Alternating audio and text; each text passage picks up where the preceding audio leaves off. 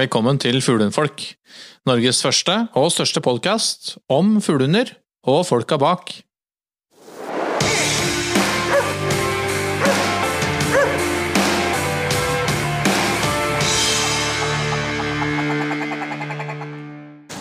Kjære venner, Hallo.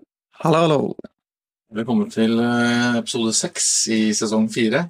Og dette blir en Camp Villmark-spesial. Ja. Hører kanskje summinga i bakgrunnen her. Ja, vi sitter eh, i vårt rullende studio rett på utsiden av hovedgangen til Camp Villmark.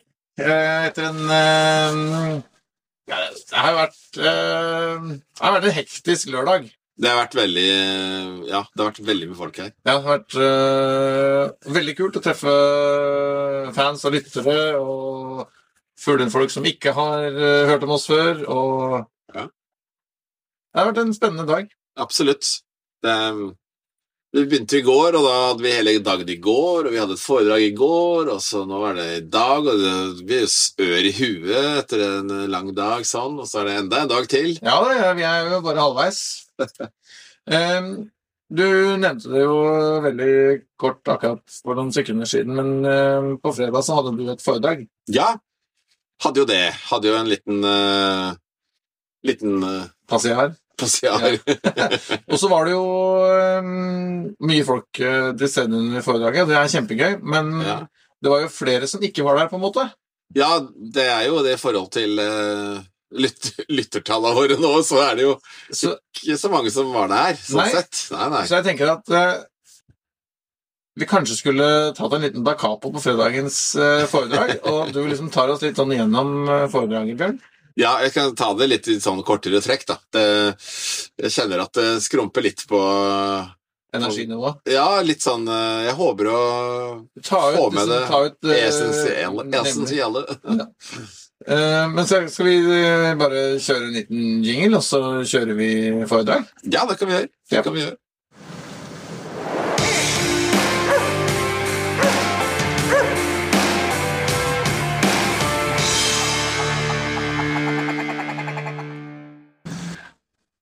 Ja, da har jeg den store gleden av å interessere Bjørn Strandvik, da.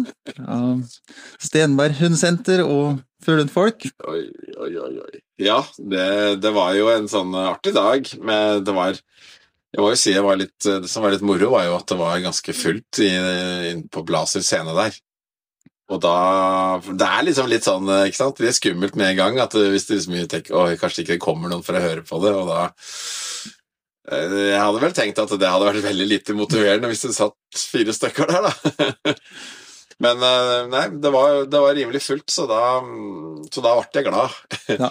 Eh, Det det handler om, er jo selvfølgelig mentaliteten, men det er liksom litt sånn historikken òg, da, rundt og bakafor ja, jakthund, da. Eh, Prøvde å blande litt på det, for det, liksom, det har jo vært en sånn Altså, vi mennesker har jo vært uh, avhengige av dyr, kan du si, i mange tusen år. Og, og det, vi begynte vel å, sikkert å plukke litt forskjellig gress på bakken og den greia der, men uh, etter hvert som vi liksom kom, uh, kom i gang med et samarbeid med, med hund Jeg tenker at hunden mest sannsynlig eh, helt frivillig så at han òg hadde hadde et fortrinn av å faktisk jobbe sammen med oss, da. Mm. Og tenkte nok eh, at eh, ok, det her kan eh, være smart for meg. Og jeg tror mennesket òg liksom tenkte det at oi, jakta den lykkes jo mye bedre når vi bruker eh, og samarbeider med hundene. De er jo raske dyr, ikke sant, og de kan på en måte ja, lukte viltet på en annen måte og alt det greia der. Sånn at mennesker begynte å lykkes mer med jakt da, når, når de begynte å samarbeide med, med hund. Mm. Og, og den annen ting med hund var jo dette her med altså, det er jo, De har jo veldig god hørsel, og de har jo en veldig god nese, sånn at de var jo veldig fine til å ha liksom, litt sånn vakthunder òg. Så vakt òg var en sånn fordel som på en måte mennesket fikk. Mm. Og jeg tror nok at uh, mennesker skjønte at uh, liksom, samarbeidet her, det handla om Skulle de lykkes, så, så måtte de jo liksom ofre litt i hundene òg. At de fikk De ble mett i magen uh, for å være med på jakta. For at de skulle synes det er interessant å være med en neste gang. Mest sannsynlig. Det er kanskje ønsketenkning, men jeg, nei, jeg ser for meg at det er jo Hunder er jo ikke sånn at de, eh, de gjør ikke ting bare av seg sjøl. De, eh, de er jo sånn at de har liksom et opplegg, de har en tanke bak det de gjør, og på den måten så kan de jo òg kjøpes, kan du si.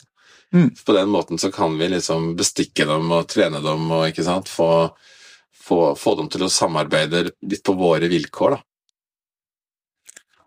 Så Nei, altså øh, Hvis vi går til jakthund, liksom starten på jakthund i vår i dag, så, så handler jo det om øh, altså interessen for og tanken rundt det med med eh, å jakte med en stående hund, den eh, Altså, stående hunder har det vært helt siden Aristoteles tid, liksom. Det, man, det er beskrevet hunder som på en måte stivnet og sto i, i paralysert i øyeblikket i forhold til en, et vilt.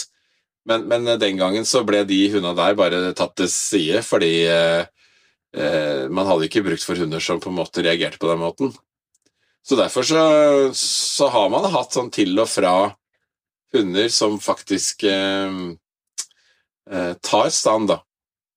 Eh, flere tusen år bakover. Så det, det er jo ikke noe ny, ny greie, egentlig. Men det er at vi har, vi har jo finslipt og pynta på og pussa opp, eh, opp de greiene der, ikke sant? Mm. Det er Det har blitt liksom greia. Og det kom jo, altså Det begynte jo med at vi fikk disse her første vi fikk de første litt primitive haglebørsene sånn på 1500-tallet, som adelen kunne ha det moro med. da.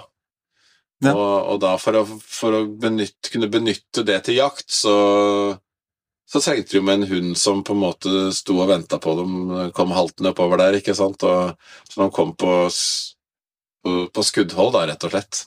Mm. Så det, og, ut, og, og sånn kjenner vi det jo, ikke sant. Det er jo Adelen er jo akkurat som andre ting med med penger. Det er jo liksom Det er når det kommer noen inn som kan investere.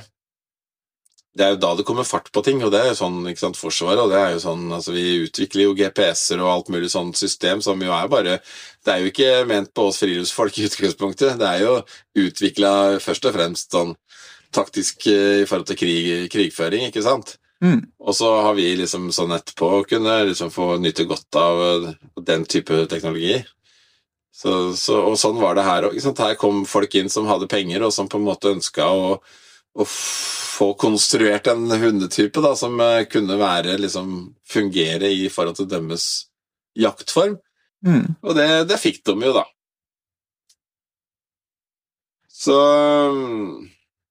det er jo skjedd store forandringer, ikke sant, på, på hund. Altså hva en villhund Jeg vet ikke om en villhund kan sies å være én type hund. Jeg ser for meg liksom at kanskje noen steder i verden så var det en type hund som var en slags sånn liten rottefanger, og kanskje andre steder så var det en, en større type hund, da. Men man har jo kunnet mikse og trikse og blande og fikse liksom med anatomi og atferd på kryss og tvers da, for, å, for å få fram få fram den type ja, egenskaper, og at det gjør det som på en måte eh, blir eh, ja, riktig atferdsmessig. Men, men, bak det så, så ligger det jo òg at uh, i alle hunder da, så slumrer det en uh, liten ulv i det fjerne. Mm. Ja. Jeg snakka litt om det med utviklingen som, som, har skjedd, og det er jo den utviklingen at, uh, at man begynte å se uh, at ting kunne settes i system, og at læring hadde virkelig noe for seg, og, og gjort av rette folk, så var det veldig stor ekspansjon da, på det å få til ting. Og der var det en som heter Pfaffenberger, som var en personlighet som ble lagt merke til, med en veldig dyktig hundekunnskap. Og øh, dukket jo da opp her Scott og Fyller, da, som er de to kanskje forskerne på, i etologi da, som har liksom kanskje studert ja, nærmest dette her med hund, da, og kartlagt atferden til hunden kanskje nærmest, da. Så eh, dette her med mentaltesting og sånne ting, som, uh, og dette her eh, ja, rundt det, det For oss så kom det via Sverige, og i Sverige så begynte det sånn på 70-tallet. Og sånn som Lars Felt da, er jo en veldig viktig person, og jeg må jo si at jeg er såpass heldig da, at jeg faktisk fått vært elev hos han Lars Felt Mm. i Sverige. Og det, så det har liksom vært med på en sånn motivasjonsboost, Ja. er det vel lov å si. eh, ja, og for å dra det videre, dette her med, med utvikling og sånne ting, så er det jo liksom sånn som han derre etologen, han tysker som heter Trømbler, som har jo skrevet mye, og han har jo mange interessante meninger om, om hvordan ting skal være, og og, og blant annet så er jo han da den som kanskje har vært sterkest gått foran og liksom ment at uh, trening og opptrening av hund skal skje med en gang, liksom. At man bruker hele barndom- og ungdomstida til hunden fram til at de seks første månedene er veldig, veldig viktige. Mm. Det har han veldig klare meninger om. Og, og han mener òg det at den som da ikke utnytter disse her seks første månedene, da har det liksom ingenting å si, da, og samme hvor gode arveanlegg og alt sånt er. Så, så hvis man ikke har, har benytta seg av de uh, oppvekst, den oppvekstperioden, så, så har man på en måte eller mista veldig mye som man kunne fått. Ja. Kall det gratis. det Ja, nei eh, Det blir jo litt sånn da når du står og har en sånn eh, foredrag, at det blir jo litt sånn Du tenker jo at det er veldig mye du skal si, og så det blir det så etter hvert som forelesningssalen skal jeg si fylte seg opp, så ble det liksom det ble litt sånn at du følger deg litt som Eller du blir liksom mer og mer eh, litt til teksten, da. Det er ikke akkurat en Ja. standup-komiker. Nei, og nå prøver vi jo å komprimere det i tillegg, så vi hopper jo litt eh, Ja. fram og tilbake med, med plansjer her, ser jeg. Så Ja, jeg prøver å roe oss igjennom det på en eh, liten sånn, hvert fall, så folk kan få en liten, liten smakebit på hva det handla om, da. mm, Eh, Så det Det er nå så. Skal vi se da om det står noe mer spennende her. Eh, Det er jo som jeg sa, da, så er det jo liksom en målsetning bak det hunder gjør, og det betyr litt det samme som at de kan jo på en måte kjøpes. Mm. Og det er jo der vi har litt av den eh, tankegangen, det godset vi har i dag, med å, å, å, å bruke belønning for å få, få fremgang da, i den atferden vi ønsker oss. Og så er det prøver jeg litt om litt å ta litt livet av den der biten der med at når hundene har blitt to år, da kan de ikke lære det mer, på en måte. Det er, en del, det er blitt en slags sånn eh, oppfatning om det, og det har jeg aldri helt skjønt øh, Jeg har aldri lest noen sted, og jeg har tenkt at det er mest sannsynlig er bare blitt en slags opplest sannhet, eller en slags sånn på folkemunne, eller hva skal jeg blant oss hundefolk. Det, er, det sier seg jo sjøl at øh, at det skal en hund klare å overleve, så må den jo være tilpasningsdyktig, og i å være tilpasningsdyktig så, så, het, så, så ligger det jo øh, at man må lære nye ting. mm, Så, og hvis man da liksom drar den greia der da, mot villhunden, så vil man jo se det at eh, hadde ikke den kunnet ta imot ny læring og omstille seg, så ville den jo ikke ha overlevd som villhund. nei, da er det vel litt med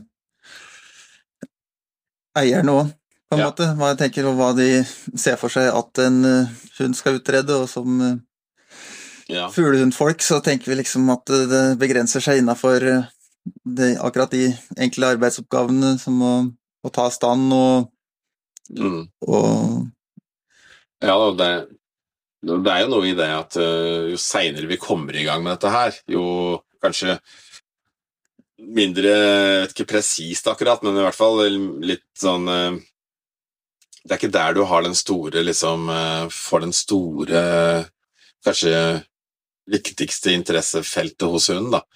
Det er mange ting som han har lært på forhånd da, som på en måte er med litt og forstyrrer. Mm. eh, tenker litt sånn, jeg. Og, og sånn sett så har vi jo gått gjennom masse alle disse jakthundrasene våre. Eh, fordi det sier jo litt om den der variasjonen og den eh, bredden, da. Og hvor på en måte tilpasningsdyktig og lærevillige og, og, og sånne ting alle hunder er. Det finnes jo veldig mye, mye forskjellige typer hunder, og, og de brukes som spesialister på alt mulig rart. Eh, Det som jo er litt artig å, å tenke over det, at eh, selv om det finnes liksom noen, eh, et begrensa antall hunder i forhold til de forskjellige typer jaktformene, så er det likevel, som jeg sa litt i stad, at det er- jo en liten ulv i alle, og i det mener jeg at det, det er gode jaktegenskaper der. Og som ettersøkshunder i dag, så er det jo godkjent over 70 forskjellige raser. Mm. Så det sier jo litt om at det Det er ikke der det skorter. Nei, Der er det sikkert fortsatt mulig å få godkjent kanskje enda flere raser, hvis, det, hvis eh, raseklubbene går inn for det. Ja, ja, der er det alt fra pudler til uh, gudene vet der, altså. Så Mm. det, og det er noe som har liksom blitt mer eh, populært òg nå med tida, er dette her med å, å kombinere ja, hundene da, til å gjøre flere typer jobber. Uh, Man eh, s- bruker f.eks. en god del hunder liksom til ikke bare å være stående fuglehund, men den kan også brukes til liksom, det man kaller for kortdrivere. ikke sant? At den skal bare forfølge eh, vilt over minutter, da. Og f.eks. få få et klovvilt ut ifra en sånn lita tett øy ute på eh, et jorde eller hva som helst, ikke sant? Og bare få det i fart ut derfra og drive det mot uh, jegeren, da. Mm.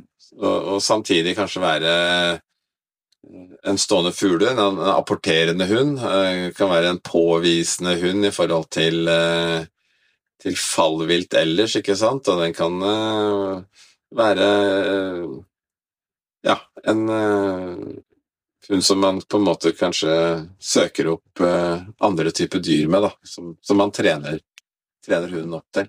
Mm. Man ser jo da at det er jo ikke grenser gjerne for de tinga her.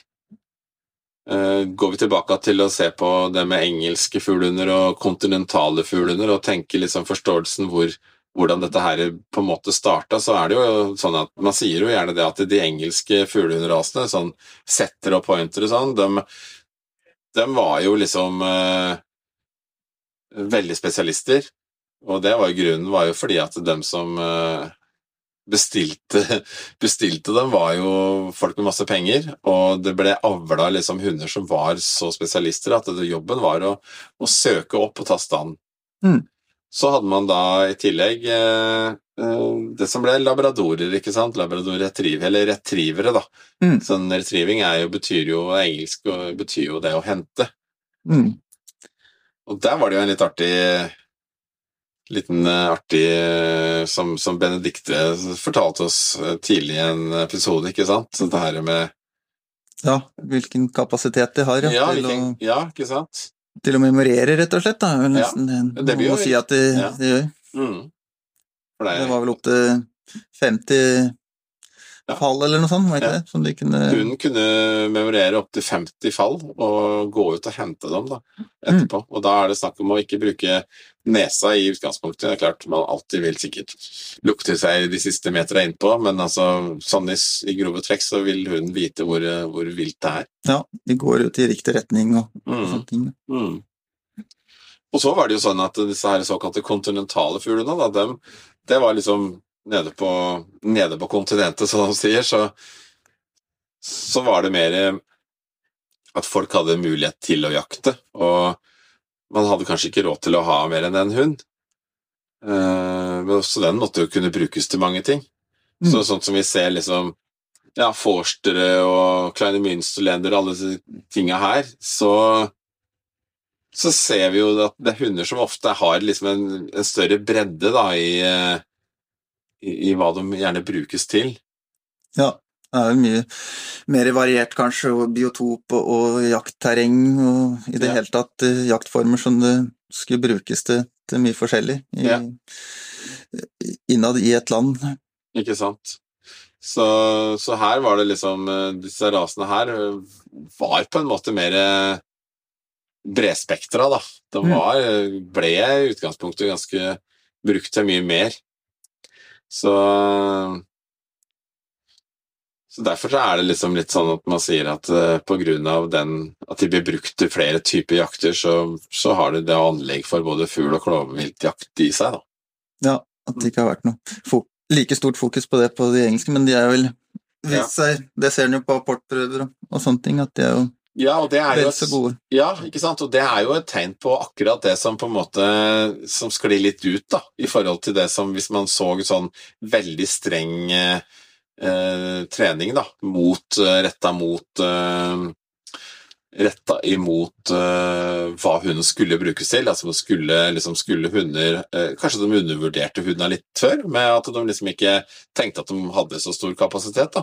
Mm. Jeg vet ikke, men liksom eh, spesialistene har jo nå begynt å bli litt sånn utvanna. Som du sier, så ser vi jo at nå settere, som jo egentlig var liksom dårlige apportører, og, og som var liksom kanskje årsaken til all den tvangsapporten og sånn som har vært bakover, for det har ikke vært interesse i hunden til å, å trene, og kanskje ikke hele kunnskap blant folk, da, men, men i hvert fall så ser vi det at eh, eh, nå har jo har man kanskje premiert linjene som må apporterer, da. Mm. Og så får man individer etter hvert med mye større lyst til å hente ting. Ja. Så Det er en måte å liksom å flytte litt på sånne grenser. Og så kan man jo også si litt dette her med på en jaktprøve, så er det jo liksom om du, om du kommer dit med en bretong eller forster, en engelsetter eller irsksetter, så, så blir jo alle bedømt helt likt. Mm. Så på den måten så er det jo sånn at vi har jo ikke lenger eh, liksom at rasene er spesialister på sine ting. Det er jo mer at eh, at man kan velge farge og størrelse, kanskje. Ja. Blir, blir nok til det, da. Mer eller mindre. Så det man skal vite, er jo Eller det jeg tenker jo, er jo liksom sånn som dette er som begrepet som vi kaller for terskelverdier, er noe av det som som utløser da, kan du si, forskjellig atferd til forskjellig tid i forhold til forskjellige raser og, og hva de blir påvirka til. Og, og, det er jo en del av det som gjør hunder forskjellige da, fra hverandre. Og, og, det å identifisere sånne ting er jo noe av det vi driver med når vi driver og tester hunder. Mm. En litt sånn uh, kuriositet på det er jo dette her med hvordan uh, for eksempel vi har funnet ut at uh, elghunder Altså det er en terskel når noe løper imot deg, så vi har såkalte indre og ytre revirer. da.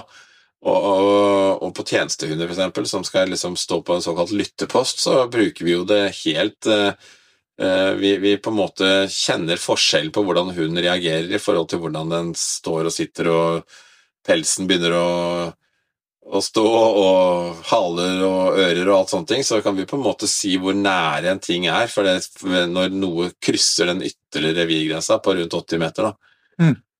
Og så på fire meter så er det jo en sånn fight-flight-grense for de aller fleste hunder. Det, når noe kommer innafor den grensen, så er det, på gren da er det liksom på tide å reagere, liksom i siste liten.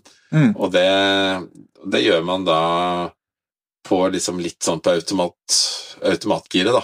Mm. Slik at når en elg kommer løpende mot en elghund, kan du si, 200, så står den der og bjeffer helt til liksom da spretten til side rett før det er for seint. Mm. Og det, der har man funnet òg at det er litt forskjellige, litt forskjellige sånne avstander i den da, som på en måte gjør at noen hunder faktisk spretter unna på seks meter, og andre på fire meter, og da det er jo en er det jo en bekrefta, identifisert, liksom større overlevelse på hunder som har to meter til å gå på Ja. før, det, før det smeller, liksom. Så det er sånn artige, små detaljer å, å tenke på. Uh, så snakka jeg jo litt om dette her med valp, og litt med forberedelser, og det med å, at man er nøye med det, og at man bruker tid på å finne riktige individer, riktig raser, riktige type foreldredyr.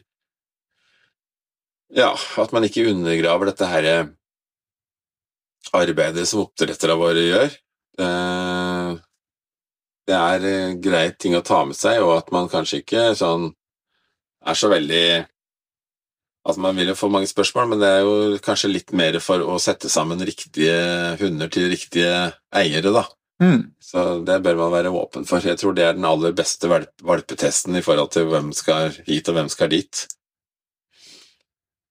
Så for det er, dette her er jo din eh, Ja, dette er muligheten din. Det er nå du, nå du har sjansen. Og, og hvis denne her valpen plutselig skulle vise seg at det ikke skulle duge til noe som helst, så er det jo ikke bare å bytte den ut. Det er jo, den har jo blitt et familiemedlem.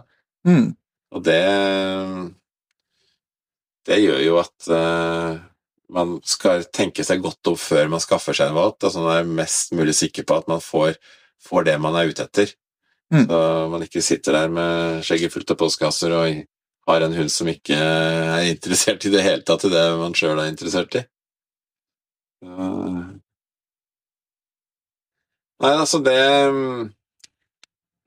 Som sagt, det er viktig at eh, oppdretteren får lov til å kanskje gjøre den styringa der med å plukke eh, plukke den valp som passer deg best, og at ikke du skal komme inn med hele familien og plukke den valpen, for det blir jo mer på måfå, kan du si. Hvis du lar eh, oppdretteren få lov til å bli litt kjent med deg, så, så vil han lettere kunne se hvilke hund som kanskje passer deg, da.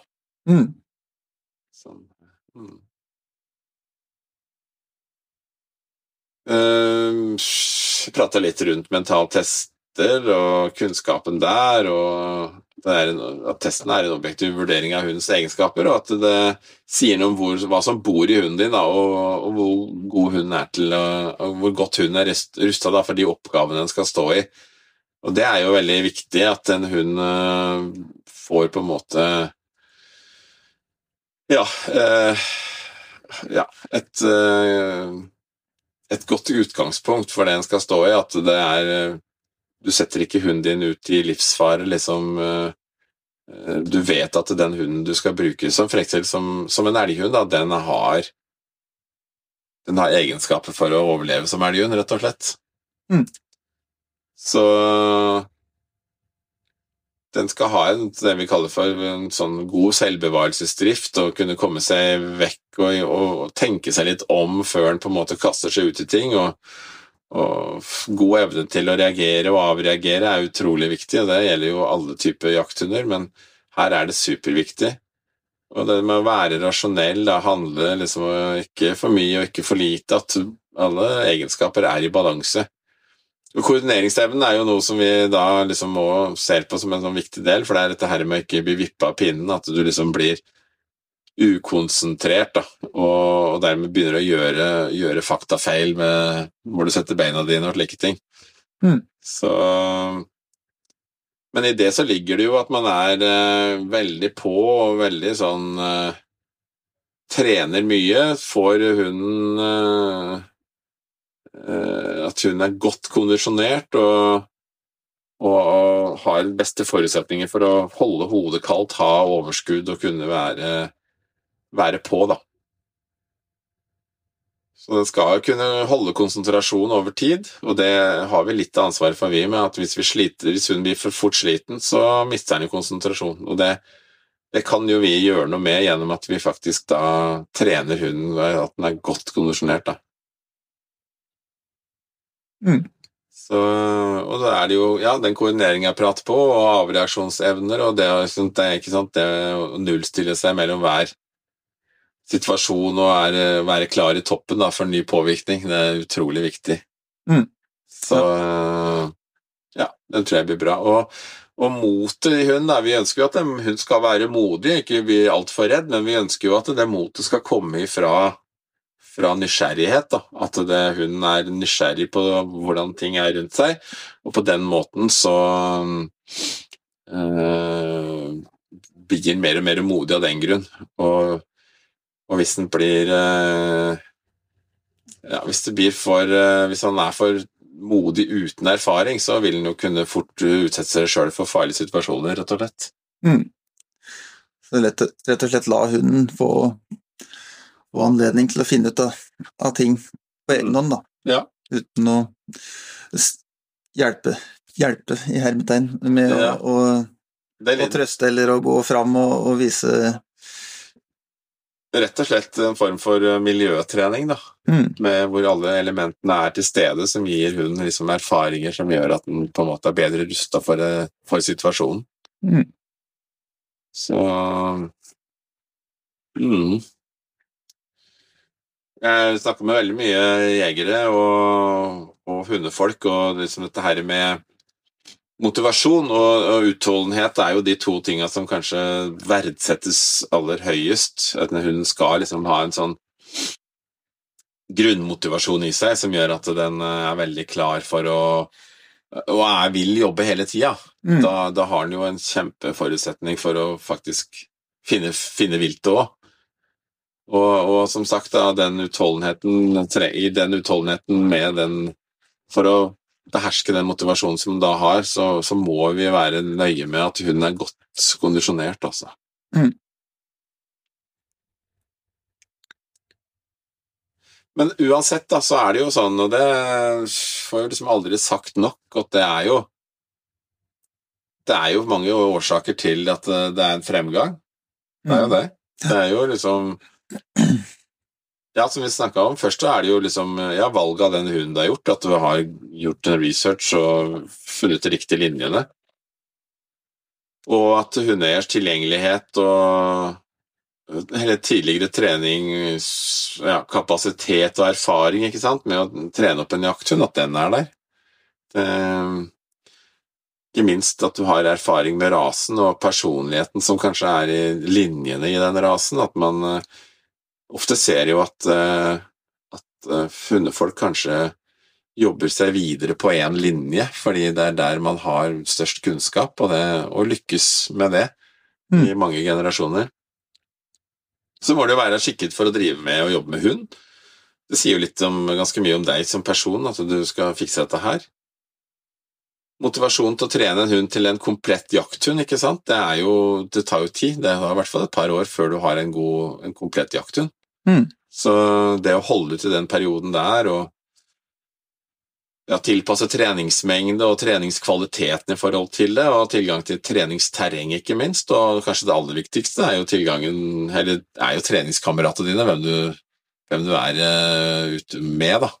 Ja, Det, det gir uh, tilknytta et miljø som, som om den ikke innehar all den erfaringen her eh, på egen hånd som første, førstegangs eh, mm, eier av fuglen, så at den eh, er, eh, kan eh, gjøre det veldig mye enklere for seg sjøl og hunden sin om hun oppsøker eh, en klubb som, eh, der det er eh, mye erfarne folk, da, mm, og som innehar mye, mye av den kunnskapen som en eh, higer etter.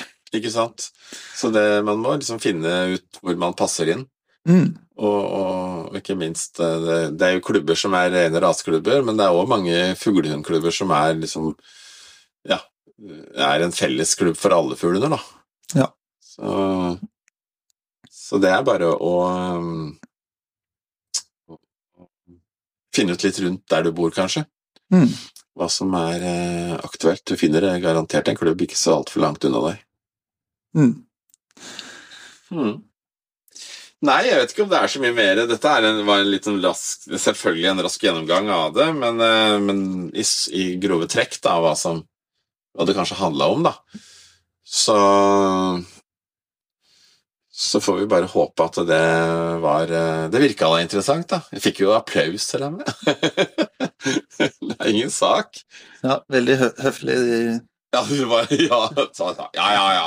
ja, ja, da, vi, det har jo vært en eh, selvtillits- selvtillitsboost for deg å være her.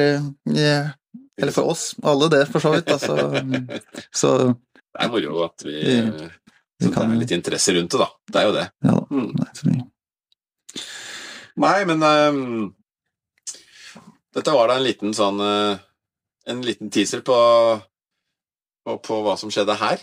ja, jeg har fått uh, rast gjennom det her nå helt på tampen av lørdagskvelden her, så Vi er jo litt sånn småsliten i huet nå, er vi ikke det? Etter en lang dag med masse hundeprat. Jo, det er jo, det er jo et litt uh, uvant miljø for oss, det her. Vi, det, Det må jeg si. Ja. Det var uh, Det var litt rart å ha en uh, ha en helg ned fra fjellet egentlig. Ja, jeg er enig. Det, Så han blir sliten på en litt annen måte. Han blir, ja, det, det, er helt sant. Det er en rar Rar, en sånn rar tomhet oppi der akkurat nå. Nei, vi får komme oss inn. vi får avslutte og- det her før det Ja. blir enda mer Jeg tror det. Jeg tror det er ikke så greit. Ja. Men all right, takk for nå. Jo, Så på gjenhør. på gjenhør, ja. ja. Ha det godt. Hei, hei.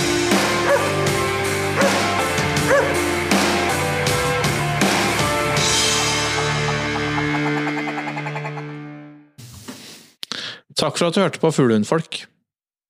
Følg oss gjerne på Facebook eller Instagram. Her kan du komme med spørsmål, eller dele tips og råd du tror at vi andre kan ha nytte av. Vi høres!